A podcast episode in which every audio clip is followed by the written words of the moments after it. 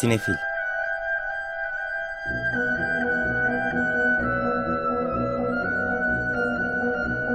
Hazırlayan ve sunanlar Melis Behlil ve Yeşim Burul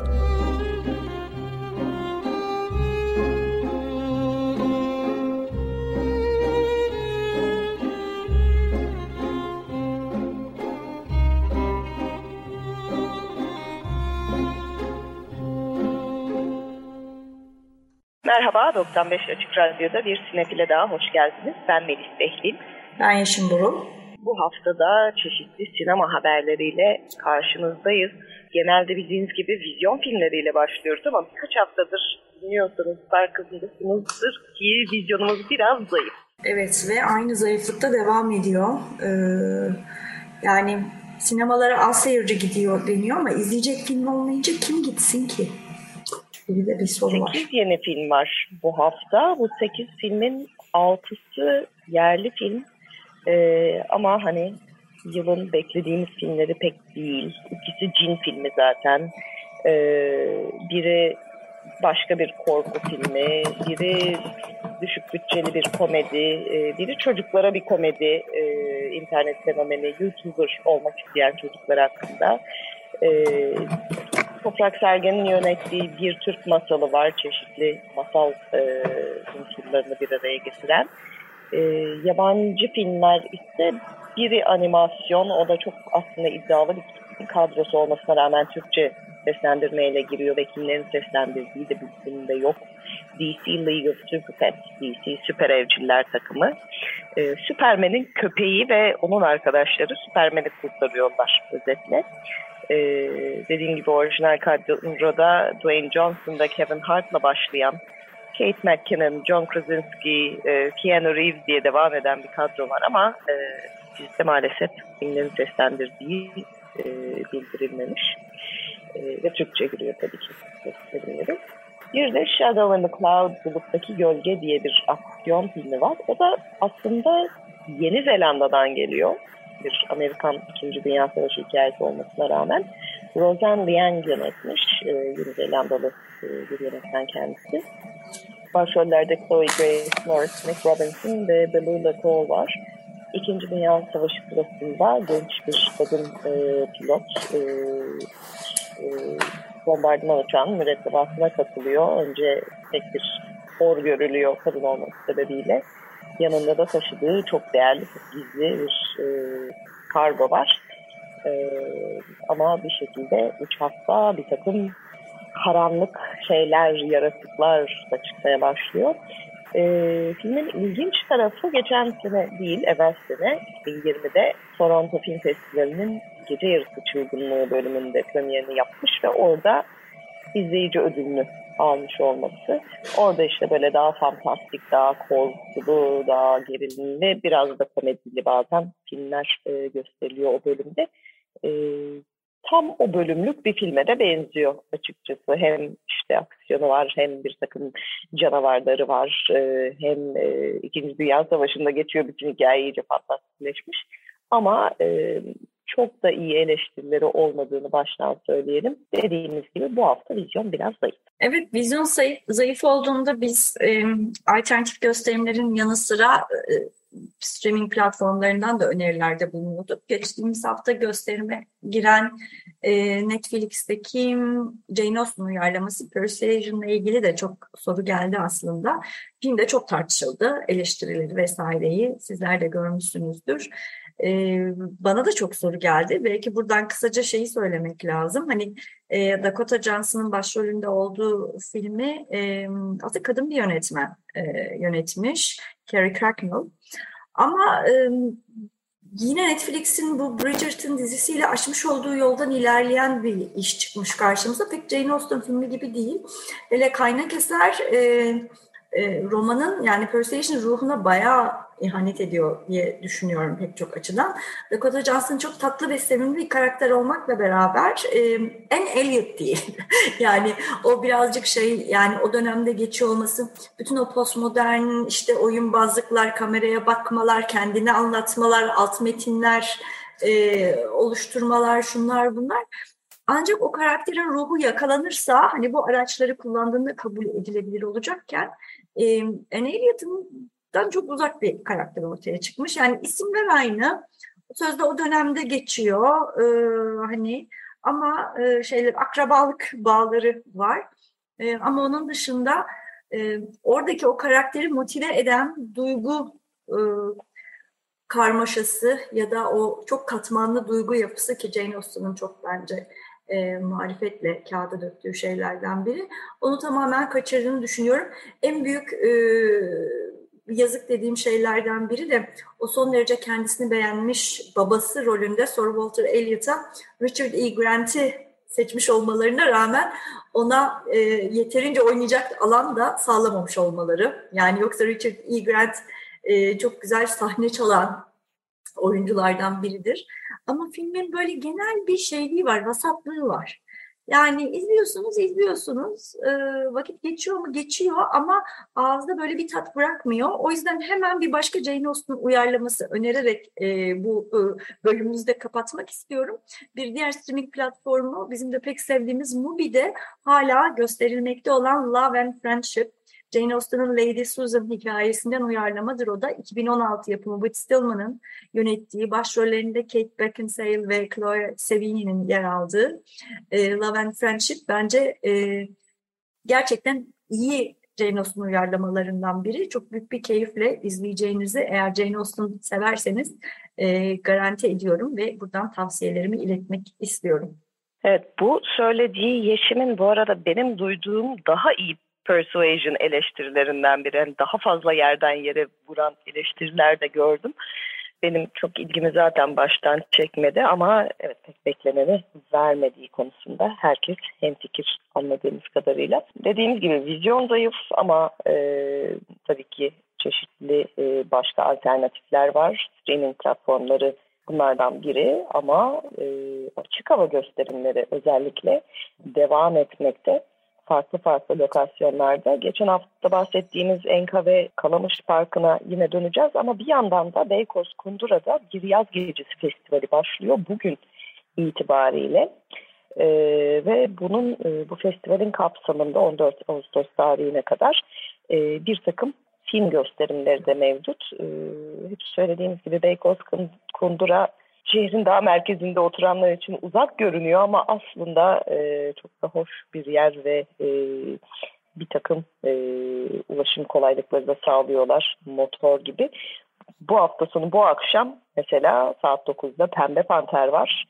E, yarın 9'da Karanlıkta Bir Çığlık e, ve 31 Temmuz'da tekrar Pembe Panter. Böyle bir Pembe Panter özleyenlere e, güzel bir hafta sonu eğlencesi sağlıyor. Gelecek haftada canlı müzikle e, geçtiğimiz hafta da söylemiştik e, yaklaşıyor diye. Canlı müzikle e, sessiz filmler gösterimleri başlıyor 5 Ağustos'tan itibaren. Orada da pazar günü insanları Mention on Zontag e, Mum eşliğinde 6 Ağustos'ta Lady Windermere'in yelpazesi Korhan Putacı eşliğinde 7 Ağustos'ta da Salome Bavazula eşliğinde olacak. Ee, onlara önceden bilet almak da gerekebilir. Geçen hafta da dediğimiz gibi hem konser hem film. Evet. İkisi bir arada demişken e, başka sinema ve Enka Sanat'ın daha ortak açık hava film gösterimleri de 1 Ağustos'ta başlıyor önümüzdeki pazartesi günü. Ona da çok fazla bir zaman kalmadı.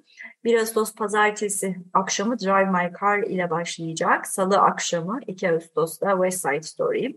3 Ağustos çarşamba akşamı After Gang, Young'dan sonra. 5 Ağustos Cuma akşamı da Dune gösterilecek. 12 Ağustos'a kadar devam ediyor gösterimler. Bir de geçen hafta da bahsettiğimiz ve çok güzel bir program sürdürmekte olan sinematek açık hava gösterimlerini tekrar analım. Yıldızlar altında sinema Kalamış Parkı'nda saat 9'da gerçekleşiyor bu gösterimler. 31 Temmuz'da yani bu pazar akşamı E.T. var. E.T.'yi bizim jenerasyonumuz sanırım çoğunlukla videodan izledi. O yüzden e, beyaz perdede izlemek için iyi bir şans.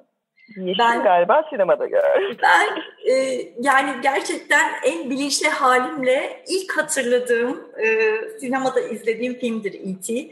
Ve müthiş bir deneyimdi benim için. Yani ilkokuldayken E.T'yi sinemada e, çok heyecanlanmıştım, çok üzülmüştüm, çok ağlamıştım. Hiç unutmuyorum. Çok sevgili teyzem götürmüştü beni. Ve e, sonra yıllar sonra oğlumla E.T.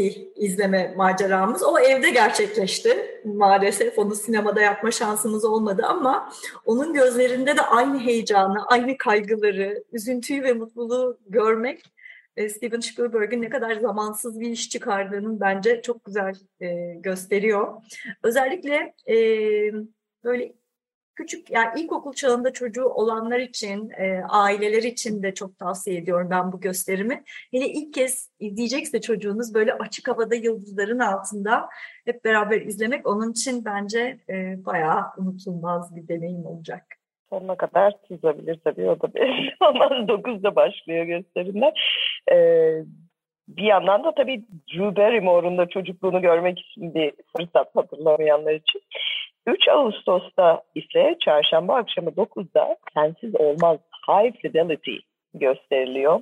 Belki de son 20 yılın en e, tanınmış uyarlamalarından biri Stephen Frears'in yaptığı, John Cusack'in başrolünde olduğu e, ve tabii müzikleriyle ilgi çeken film. Çünkü bütün film müzik ve kaset hazırlamak ve o kasetlerin listelerini oluşturmak ve şarkı seçmek üzerine e, biz de bugün zaten programın son kısmında High Fidelity'den parçalar çalacağız. Evet, Nick Hornby zaten e, yani sevdiğimiz bir yazar olarak da hep müzikle e, çok iştigal eden bir tarafı da var. E, kendisi de o e, şeyden nesilden geldiği için karışık kaset hazırlama e, şeyinden.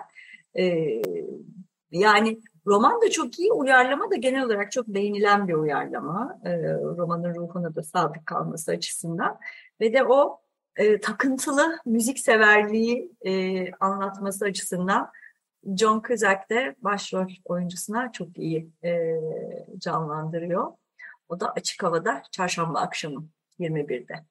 Evet, bunlara ilaveten sinema dünyasından haberlerde bu hafta Venedik Festivali yaklaşmakta. Venedik'in yarışma listesi açıklandı. Açılış filmi zaten daha önceden söylemiş, söylenmişti. Noah Baumbach'ın Don DeLillo'dan uyarladığı White Nose açılış filmi olacak.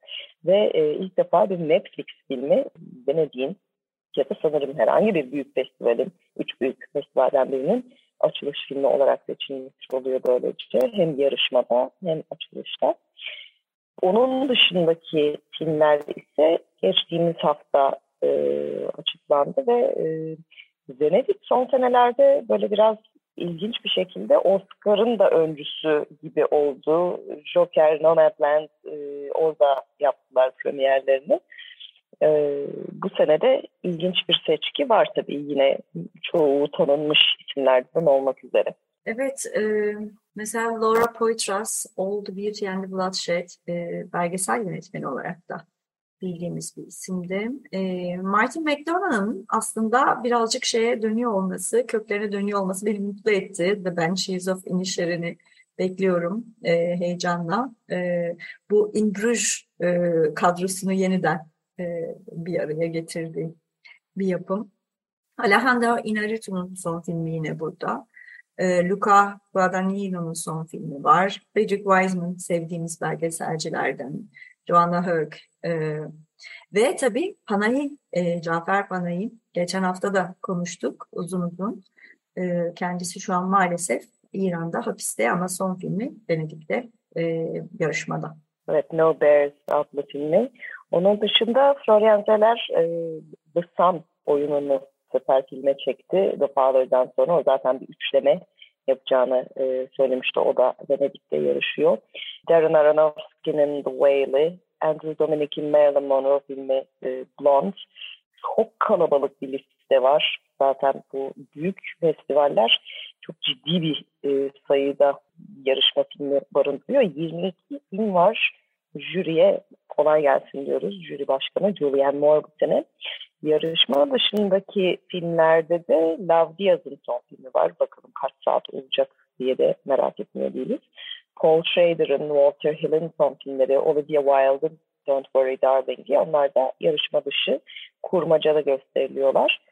e, yarışma dışı e, belgesel seçkisi de gayet e, iddialı. E, Sergey Loznica'nın son filmi, Gianfranco Rossi'nin Oliver Stone'un son belgeselleri de bu bölümde yer alacak.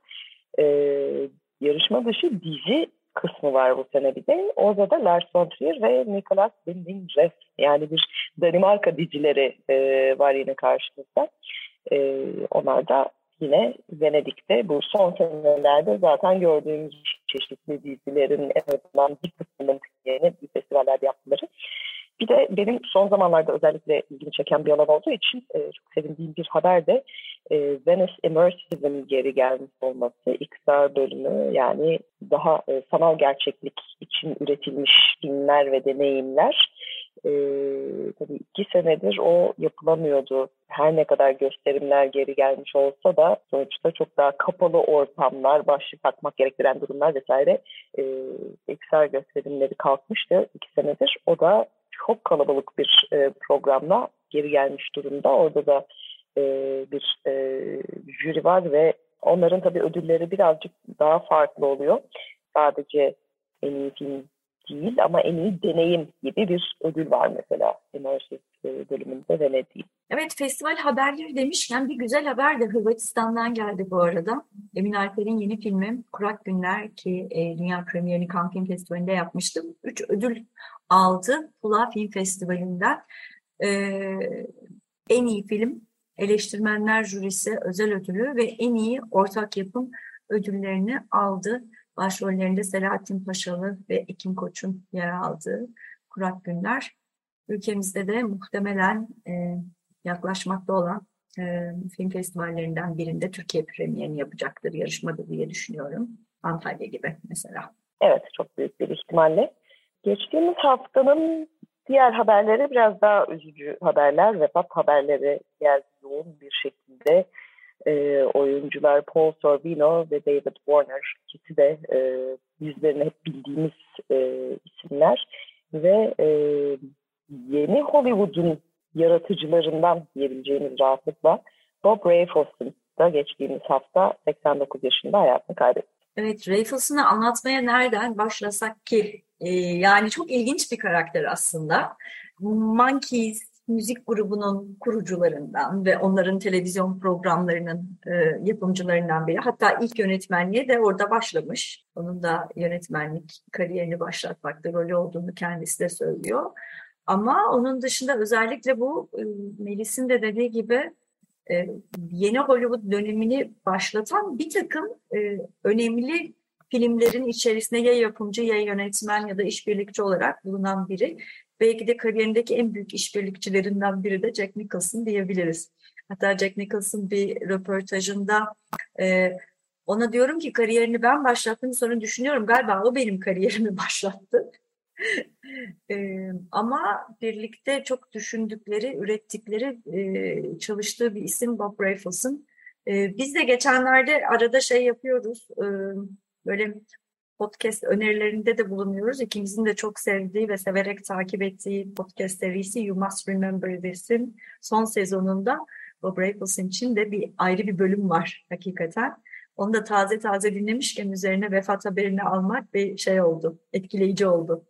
Kendi yönettiği filmlerden en çok tanınanı Five Easy Pieces yine tabii Jack Nicholson'da ama e, belki en e, tanımlayıcı filmi de aslında Easy Rider. E, onun yapımcılarından biri çünkü ve o yeni Hollywood döneminin Bonnie and Clyde'la beraber en önemli başlatıcı e, filmlerinden bir tanesi kabul edilir. Ardından da e, çeşitli yapımcılık e, şeyleri, e, çalışmaları devam etti ki Hearts and Minds'da e, Oscar kazanan Vietnam belgeseli e, bunların arasında en önemlilerden biri.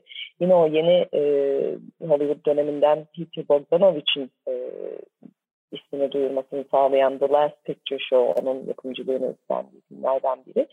E, bunlar dışında ismi geçmese de e, haberlerde, ölüm haberlerinde görüyoruz ki 1970'lerdeki Jean Österş filmi The Mother and the Whore'un da yapımcılarından biri. O yüzden o Fransız yeni dalgası ve sonrası ile Amerikan yeni dalgası arasındaki ilişkilerde de bir rol oynadığını görüyoruz.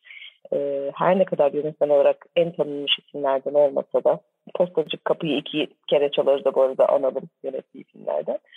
E, Rob Rayford'un o dönemin filmleri şekillendirici isimlerinden biri. Filmin filmlerin ötesinde popüler kültürü ve zeitgeist'i şekillendiren isimlerden biri. Yani Monkeys aslında e, şey bir grup. Bütün bu boy bandler çıkmadan önce oluşturulan yani suni made up bir grup ve hatta Beatles patlamadan önce bunun fikrinin ortaya çıktı. Ama televizyon programı ve onların çıkışının bir şekilde zamanların uyuşmasından dolayı Beatles'ın başarısında ekmeğini yemiş bir proje bir taraftan ama Beatles'ın ne kadar vizyoner olduğunu çok güzel ortaya koyuyor. Ee, Easy Rider keza e, dönemi belirleyen, dönemin ruhunu belirleyen filmlerden biri olmakla beraber nasıl yapıldığını çeşitli kaynaklardan okuduğumuzda bitmiş ve izleyiciyle buluşmuş olması bile bir mucize. denilebiliyor. Yani hani o gün set olacak mı? Oyuncular kamera karşısına geçebilecek mi? Ne çekilecek acaba derken bir şekilde kotarılıp e, bir de hakikaten o dönemin güncel sorunları üzerine düşünen ve bir söz söyleyen e, ve belli bir bakış açısını ortaya koyan filmlerde imzasını görüyoruz. Melis'in de dediği gibi gerek yönetmen olarak gerek yapımcı olarak hepsi bir, bir şekilde o dönemi tanımlayan ve o dönemin koşulları üzerine daha progresif bir şekilde, ilerici bir şekilde düşünmeyi e, e, birazcık zorlayan, dürten filmler. E, o yüzden e, Raffles'ın e, hakikaten büyük bir miras bırakıyor geride. Evet, bu haftaki haberlerimiz böyle. Demin de dediğimiz gibi e, 3 Ağustos'ta Kalamış'ta gösterilecek High Fidelity'nin müzikleriyle veda edeceğiz size. Teknik masadaki arkadaşlarımıza ve bu haftaki destekçimize de çok teşekkür ediyoruz. Herkese iyi seyirler. İyi hafta sonları.